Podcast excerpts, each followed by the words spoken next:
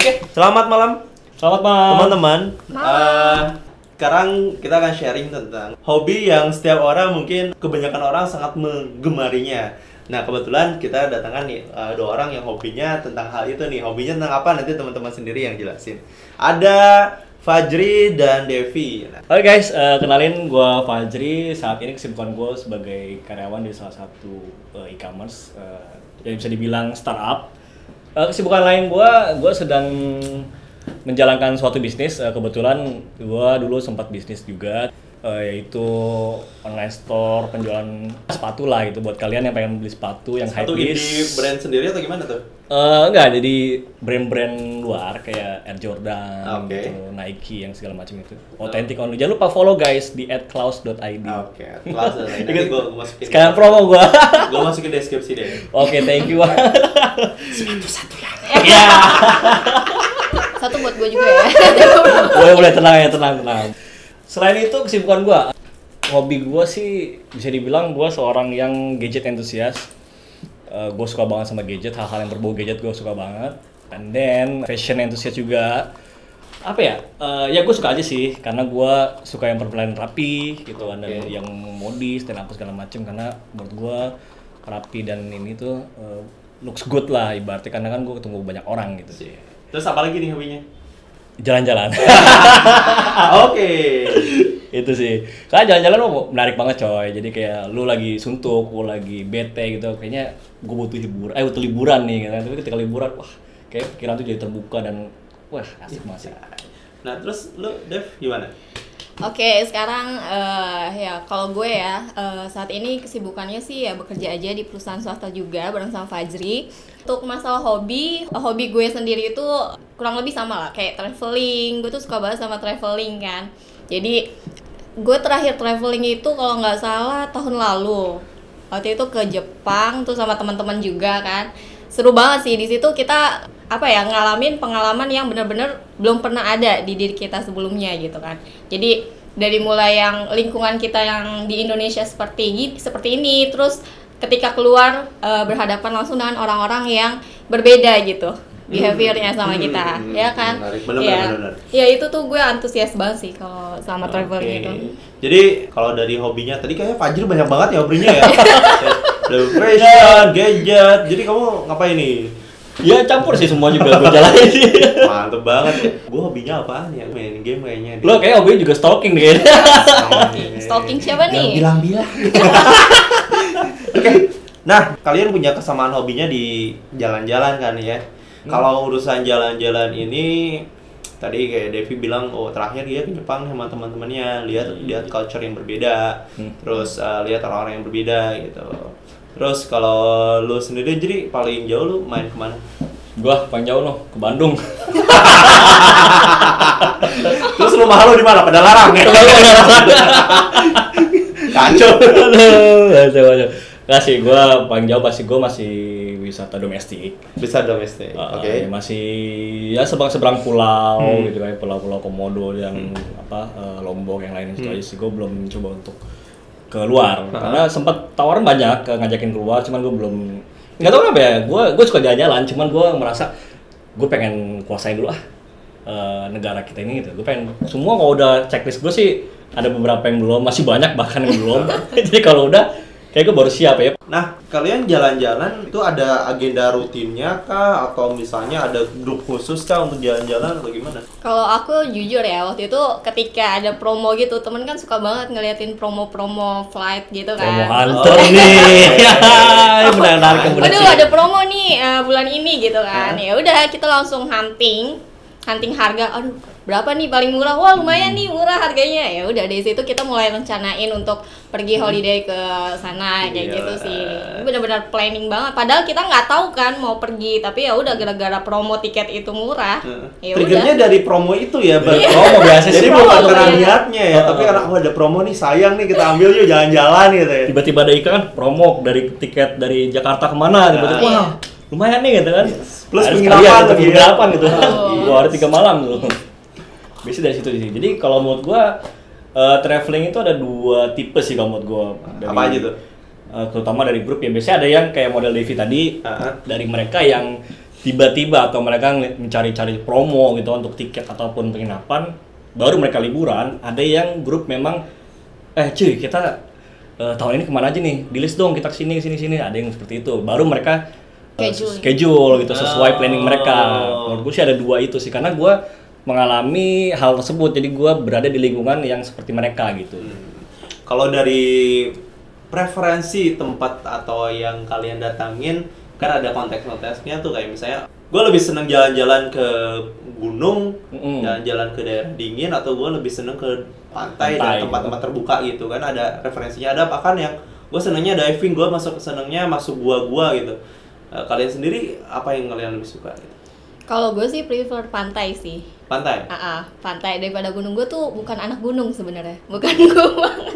Bukan karena anak gunung. iya, gue lebih suka pantai sih karena lebih gimana ya, refresh pikiran juga kan, yang Hmm. suntuk banget setiap hari kerja terus kerja kerja kerja kerja dan ngelihat pantai, wow, alhamdulillah Ah. banget gitu kan masih bisa, Wow. masih bisa ngelihat pemandangan yang wah. wah pemandangan wow Iya, wah. Gitu. I like it sampah sampah Ah, itu dia kalau lu sendiri jadi apa gue sih mana aja sih bisa sih gue ya beda-beda ada, sih ada ada yang lebih lu seneng nggak misal tempat yang seseorang yang eh, suka pantai menurut gue seseorang yang suka kebe- kebebasan kalau gue sih lebih ke penghijauan sih Buset, filosofis banget ya. Gunung dong. kan, ya. Jadi Ke kalau gunung, gunung seseorang atau yang ke kebun. iya Kebun. ke kebun teh gitu. Tapi sebenarnya sih gue nggak pernah sampai naik puncak gunung banget sih gitu kan. Aha. Cuman gue suka wisata alam gitu lah. Oke. Jadi kayak itu gue mencari bukan mencari sih, jadi gue berkelana Jauh dari air ya? jalan yang iya. jadi kayak itu rintangan gimana caranya gue menemukan jalan, jalan keluar, terus gimana caranya gue bertahan hidup. gitu. Tersesat Itu di jalan. Sesaat kan. Lu lu pernah nyasar naik gunung? Pernah coy. Aduh, buset. gue ketinggalan kan waktu Nah. itu gue sama teman gue nah kebetulan kayaknya ini secara umum sih banyak juga sih orang kayak begini jadi ketika gue di belakang baris Pertama kali atau emang Oh. itu nggak sengaja lu ketinggalan? enggak sih waktu itu yang keberapa ya? Gue lupa ya. Nah kebetulan gue pengen buang air kecil kan. Ah. nah gue nggak bilang-bilang tuh ya udah gue bentar Ah. aja nggak taunya mereka ada jalan tuh yang ke kiri ke kanan. Ah, yang cabang. banyak jalan cabang itu. Nah gue bingung wah pada ke mana nih akhirnya? Nah pas gue mau hubungin HP gue pada nggak ada sinyal. kan susah. Wah gimana nih akhirnya? Akhirnya gue jalan-jalan feeling feeling aja tuh belok kanan belok kiri tapi lambat laun akhirnya ketemu-temu juga di situ juga untungnya daerah lokasi itu tuh jadi ketika lu belok kiri belok kanan akhirnya pas di ujung itu ya ketemu di satu titik yang sama Oh, gitu, gitu. Dan mereka juga nungguin ternyata di situ Jalan setapak itu ya? Iya. Oh. Anda beruntung sekali. beruntung sekali kalau nggak saya nanti ada di Soalnya banyak kisah yang kalau naik Serem-serem gunung gitu ya, iya, Iya, gitu. betul banget. disasarin, ada yang manggil. nyebutnya apa ya setan kedar gitu ya Setan cedera. ya bener tuh gue gue gak gue sih maksudnya Banyak kisah-kisah teman-teman juga gitu. sih dari situ. Kebetulan bokap gue juga pernah gitu jadi Oh, iya? ketika dia mau keluar kok ke sini lagi gitu loh Balik lagi balik gitu lagi ya. balik lagi terus kalau dia belok kanan sini balik lagi akhirnya pas dia istighfar baca baca lagi merem baca terus akhirnya jalan Bismillah keluar langsung Wah. itu nyata bener ngeri banget sih makanya kalau misalkan kita ke suatu daerah atau suatu tempat yang memang belum pernah kita lalui itu baiknya kita berdoa dulu dan tanya-tanya dulu kayak gimana siapa yang nggak boleh? gitu kan. Kalau bisa jangan sampai pikiran kita tuh kosong gitu. wah Un- makanya punya Kosong. utang biar banyak pikiran. Ini jadi konteksnya ke perjalanan serem ya. Maksudnya kalau di gunung kan suka ada misteri-misteri gitu tuh. iya benar. Eh, disesatin terus sampai ya kalau ngomong sembarangan sampai di Iya, ngomong gitu kan. benar benar banget Sampai ada yang meninggal juga kan karena udah tahu-tahu terjun Mm-mm. gitu kan. paling serem tuh daerah Gunung Bogor ini menjadi bisnis loh ini loh Iya. Mari kita kembali ke pantai. Kayak ini ke mana aja gimana sudah Gimana deh? terus deh Eh, selain karena tempatnya terbuka, terus uh, pemandangannya indah. pemandangannya indah Ada cerita apa lagi sih lo yang lo temuin di? gue pantai Eh, pernah itu? waktu itu ke pantai Jawa Tengah kan. Hmm. Nah di situ tuh gue sempat miris sih karena ngelihat yang sampah banyak Ah, banget di pantai itu. Dan gue juga sebenarnya pengen ngebantu, Heeh. tapi ya sampai kapan gitu selesainya. Ini tuh bener-bener kayak masalah yang sebenarnya bukan ringan. Ini malah masalah besar buat kita gimana caranya biar sampah-sampah ini tuh bisa berkurang gitu loh. Hmm. Karena bener-bener ngeganggu banget ketika kita liburan malah dikasih lihat sampah-sampah itu yang banyak banget. Itu Terus it- kita mau bantu tapi ya kan kita tuh butuh kayak suatu komunitas atau dari pemerintah tempatnya juga untuk saling membantu menjaga Hmm. kebersihan pantai kayak gitu Jadi sih. kalau emang di pantai lebih banyaknya misteri sampah-sampah ajaib ya. Betul. iya itu orang tuh kadang apa ya jualan di pinggir pantai terus Oh. tapi tempat sampah itu kurang Oh. gitu jadi orang makan kacang sambil ngebuang aja sembarangan gitu Oh, jadi gitu memang sih. bukan karena bisa jadi bukan karena nggak mau bersih tapi emang nggak ada tempat membuangnya gitu mungkin ya. bisa jadi itu salah satunya menarik sih Gitu. sebetulnya. Jadi kesadaran dari lingkungan sekitarnya pun kurang, kurang juga. ya karena kan masyarakat daerah ya kalau masyarakat kota kan biasanya kita lebih sekarang banyak yang peduli juga nih terhadap sampah Ah. tapi sekarang eh un- untuk masyarakat yang daerah itu kayaknya masih kurang sih Nah, kalau pantai sih, gue pernah dengar yang namanya istilah hidden haven. Maksudnya pantai-pantai tersembunyi yang memang hanya beberapa orang doang yang tahu. Kayak Papua itu di daerah bawah tuh hanya orang-orang Australia yang datang ke sana, tapi turis-turis Australia gitu. Hmm. Tapi secara wisata umum kita nggak tahu, orang-orang umum nggak akan tahu. Hmm. Tapi itu tempat surganya seorang- orang-orang yang suka surfing. Surfing. Hmm. Nah, lu pernah ada target nggak maksudnya pengen datang ke tempat yang tersembunyi gitu masih indah banget biasanya indah banget soalnya bersih terus apa ya pok- pokoknya nggak wajar pantai biasa Kalau gitu. waktu itu Raja Ampat sih, Raja tapi Ampat kayak gitu ya? pengen pengen ke sana gitu. Tapi setelah gue dengar-dengar kabar kan mengenai eh, mengenai pulau itu, sekarang udah banyak yang rusak karena banyak banget yang apa ya para turis yang kurang menjaga lingkungan juga gitu. Jadi kayak terumbu karangnya. Oh, karena udah rame ya? Heeh, di situ juga udah rame gitu. Serba Jadi, salah juga ya iya. maksudnya sih. pengen wisata berkembang devisa negara nambah tapi alamnya jadi korban Rusak Sian, gitu alamnya kasihan. iya Kalau menurut aku masih ada juga sih pantai-pantai kayak di daerah Jogja yang pedalaman itu masih bagus juga. Waktu Hmm. itu aku ke pantai Jogja yang benar-benar masih jarang orang situ. Itu masih bagus sih, maksudnya bersih, itu sampahnya juga nggak ada, Ada gitu. ya? Ada yang kayak gitu. Cuma emang itu jarang banget gitu. Hmm. Masih jarang orang tahu. Berarti sebenarnya itu Gitu sih. Bukan kayak lokasi wisata ya, kayak wisata tersembunyi gitu ya. Iya. Nggak semua orang tahu gitu. biasanya emang orang yang bener-bener sudah lama di Hmm. bidang atau nggak di tempat-tempat sharing-sharingnya rahasia Ya, biasanya begitu sih. rahasia rahasia Ya, oh eh, cuy, ada tempat yang bagus di sini nih. Daerah mana tuh? belum sering biasa. kejamah gitu masih Iya. warga lokal banget Bener banget. kalau di gunung banyak sampah juga nggak sih Tergantung.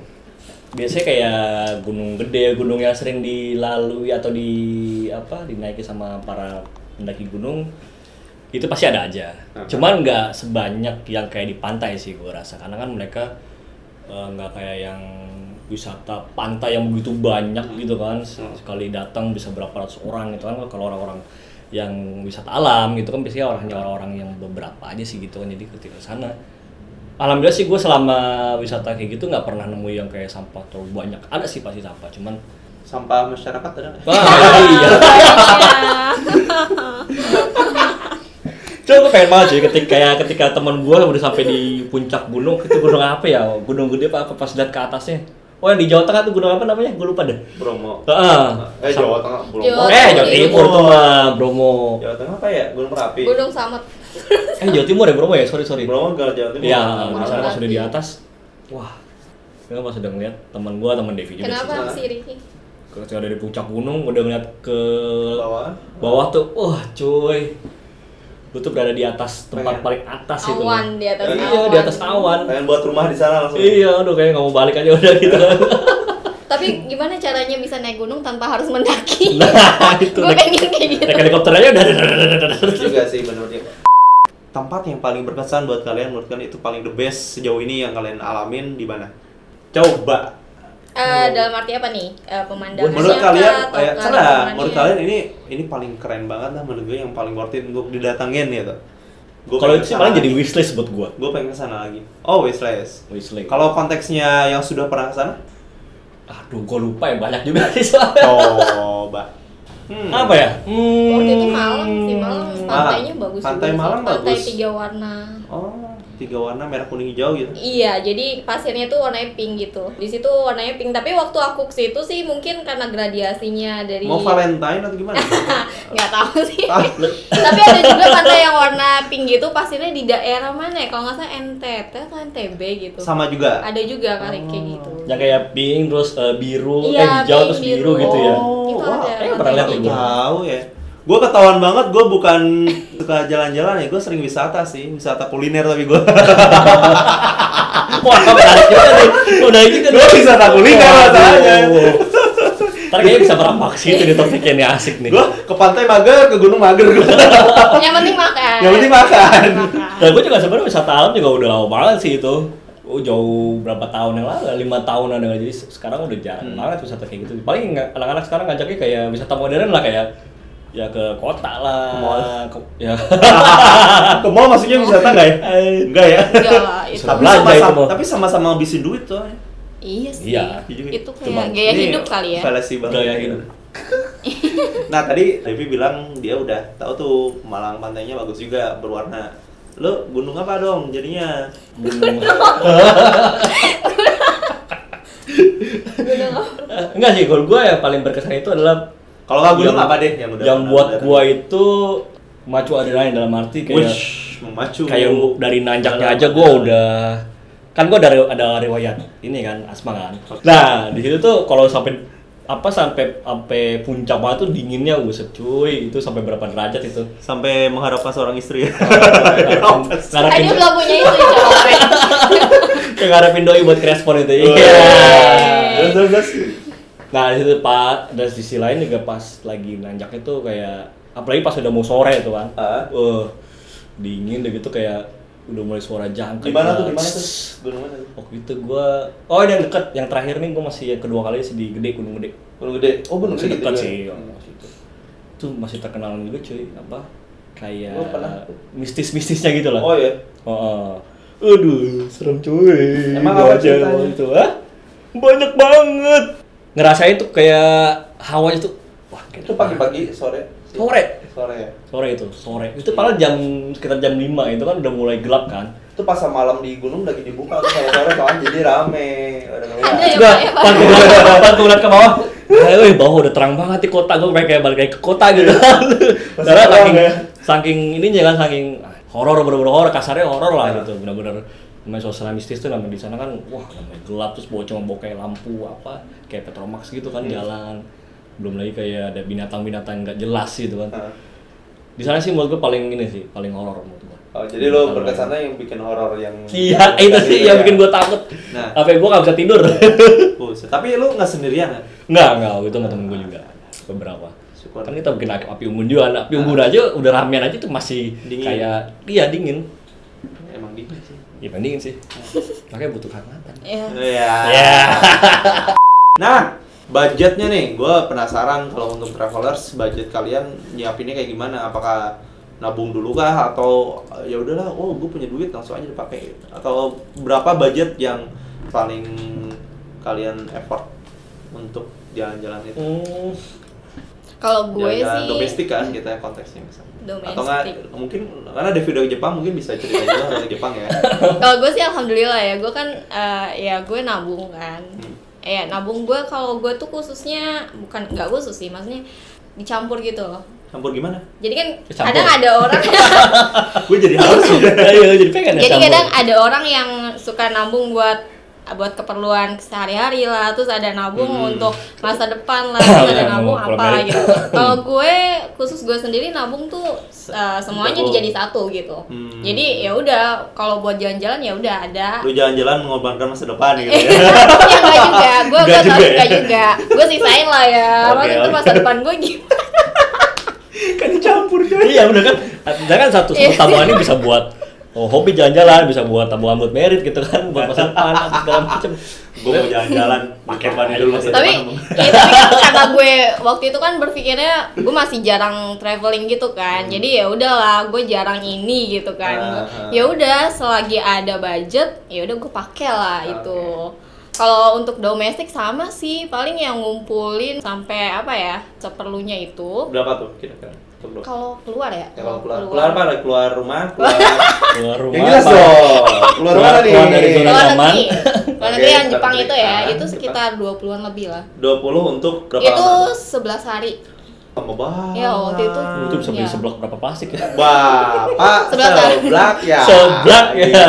Sih? Boleh. Karena Ini kebetulan waktu itu gue dapet cuti dari kantor kan banyak kan, Ah. jadi ya udah sekali ngabisin kan bu. Ulala. Gitu. Oh, itu baru dapat ini juga. Luar biasa. THR. udah Eh ya udah sekalian kan ya udah. Terus kalau domestik ya nggak sampai segitu lah pastinya.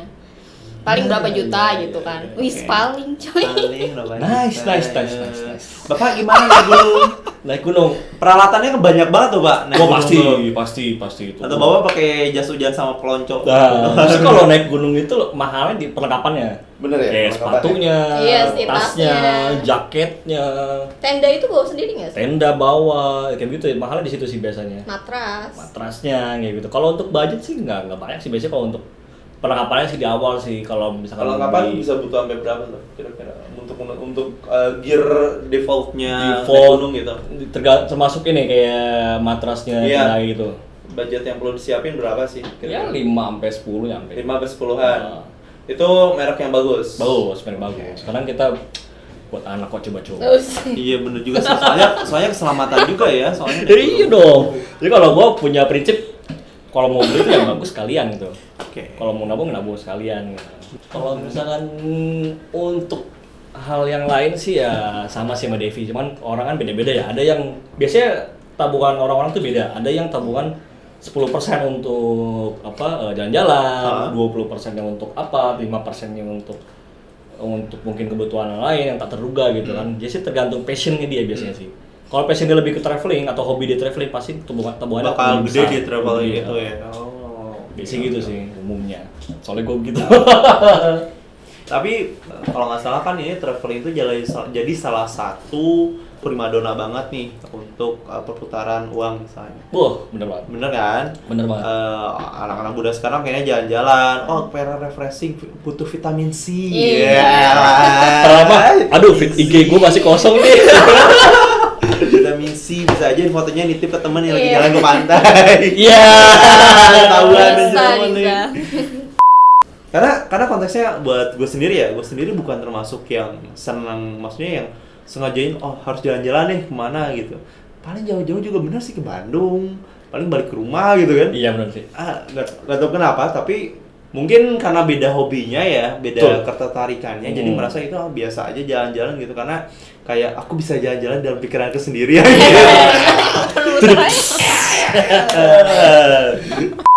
Tapi Betul. sebenarnya dari jalan-jalan itu bisa juga loh kita menghasilkan kayak misalnya just tip just tip ya kan. Kita keluar Bener gitu kan ya. ke luar negeri terus ayo siapa yang mau beli Ya, ini nitip nitip barang tas, sepatu, Bisa ke Korea apa tuh. kayak gitu kan. Bener, itu bener, banyak bener, juga bener. sih teman-temanku yang kayak gitu.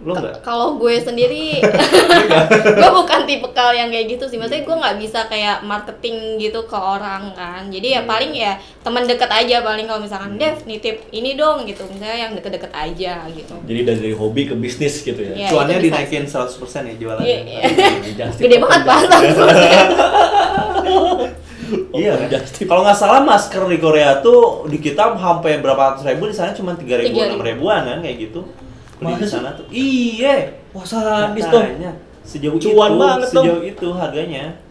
Kayak di itulah itu jadi mahal banget katanya.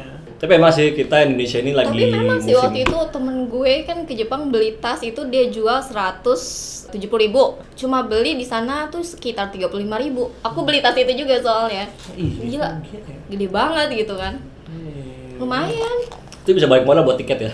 Ya, Enggak juga makasih. sih Oh, enggak juga ya? Juga. Bagasi segede apa pak? Ya ampun bapak. Bagasi, bagasi, Bagasi 20 kilo. Jepang butuh bisa kan? Jepang ya Emang pakai bisa. Kalau ke luar negeri, Dev bisa sharing nggak ngurusin visa sama paspor berapa lama tuh? Oh waktu itu gue cuma berapa hari ya Pokoknya nggak sampai seminggu sih Aku tuh waktu itu kan Ke eh, imigrasi. Ya, waktu itu kan de- denger-dengar ya waktu itu ke kedutaan langsung Jepang. Ternyata sekarang ini nggak langsung sana. Hmm. Jadi langsung pergi ke Apa ah, Lotte Lotte. Lotte. Situ ada tempat eh, imigrasi gitu, Hmm. tempat pengurusan visa. Waktu itu Hmm. visa kan.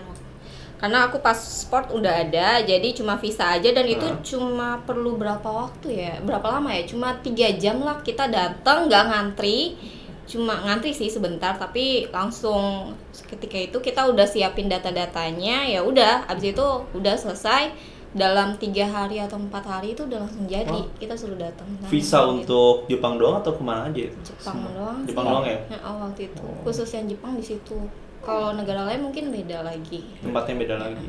Hmm. Menarik nih, kayak mencoba nih. Singapura Singapura Pak. Dan itu bayar juga sih, bikin visa itu sekitar 500-an lebih. 500 ribuan. 500 ribuan Ya, lebih. Paspor berapa sih? 200 ribuan ya? Kalau 200 ribu ya? paspor 200 waktu ribu itu Pas. tiga setengahan tiga sih, setengah. tapi Ya, kalau sekarang mungkin ratus, 500-an juga kurang lebih. Kan 600 kemarin temanku terakhir 600. 600 ya. Hmm. Tapi ter- tergantung juga sih mungkin. Tapi waktu itu aku sekali jadi loh paspor. Jadi ada orang dalam imigrasi. Boleh. Dalam. Aku kan dulu dari kantor kan disuruh ke Singapura tuh Ji. Ya kan gue belum punya paspor. Akhirnya ya udah aku minta bantuan sama omku. Dia punya kenalan orang dalam nih ceritanya. Terus ya udah akhirnya sekali jadi udah besok langsung jalan ke Singapura deh. Ternyata yang sakti itu bukan tenaga dalam doang ya. Iya, orang orang dalam dalam. juga sakti. Dalam. Iya, kalau mau ke surga harus ada orang dalam. Nih, kalau kalian mau nyampein ke teman-teman yang pertama kali mau jalan-jalan, kalian mau ngasih pesan apa buat mereka? Pesan-pesan ya, eh, yang pasti persiapan.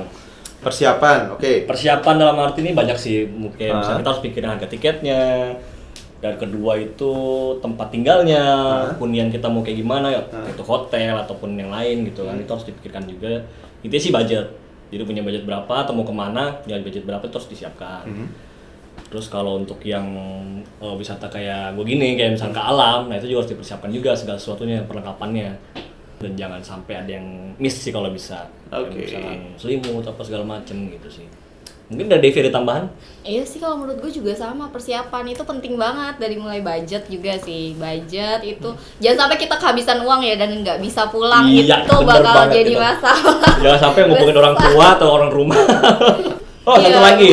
Jangan lupa kalau misalnya kita ke suatu tempat terus punya temen atau kenalan Nah, yang udah pernah iya, sana jangan lupa tanya-tanya gitu. Oh. Ada apa tahu di bisa- sana gitu kan. Nginep di rumahnya. Iya, Nginep di rumah itu iya Ya, itu. penghematan. Ya, Itu salah satunya, gitu benar. kan. Bahkan kalau dia punya mobil pinjam. Oh, itu memanfaatkan. Memanfaatkan namanya teman.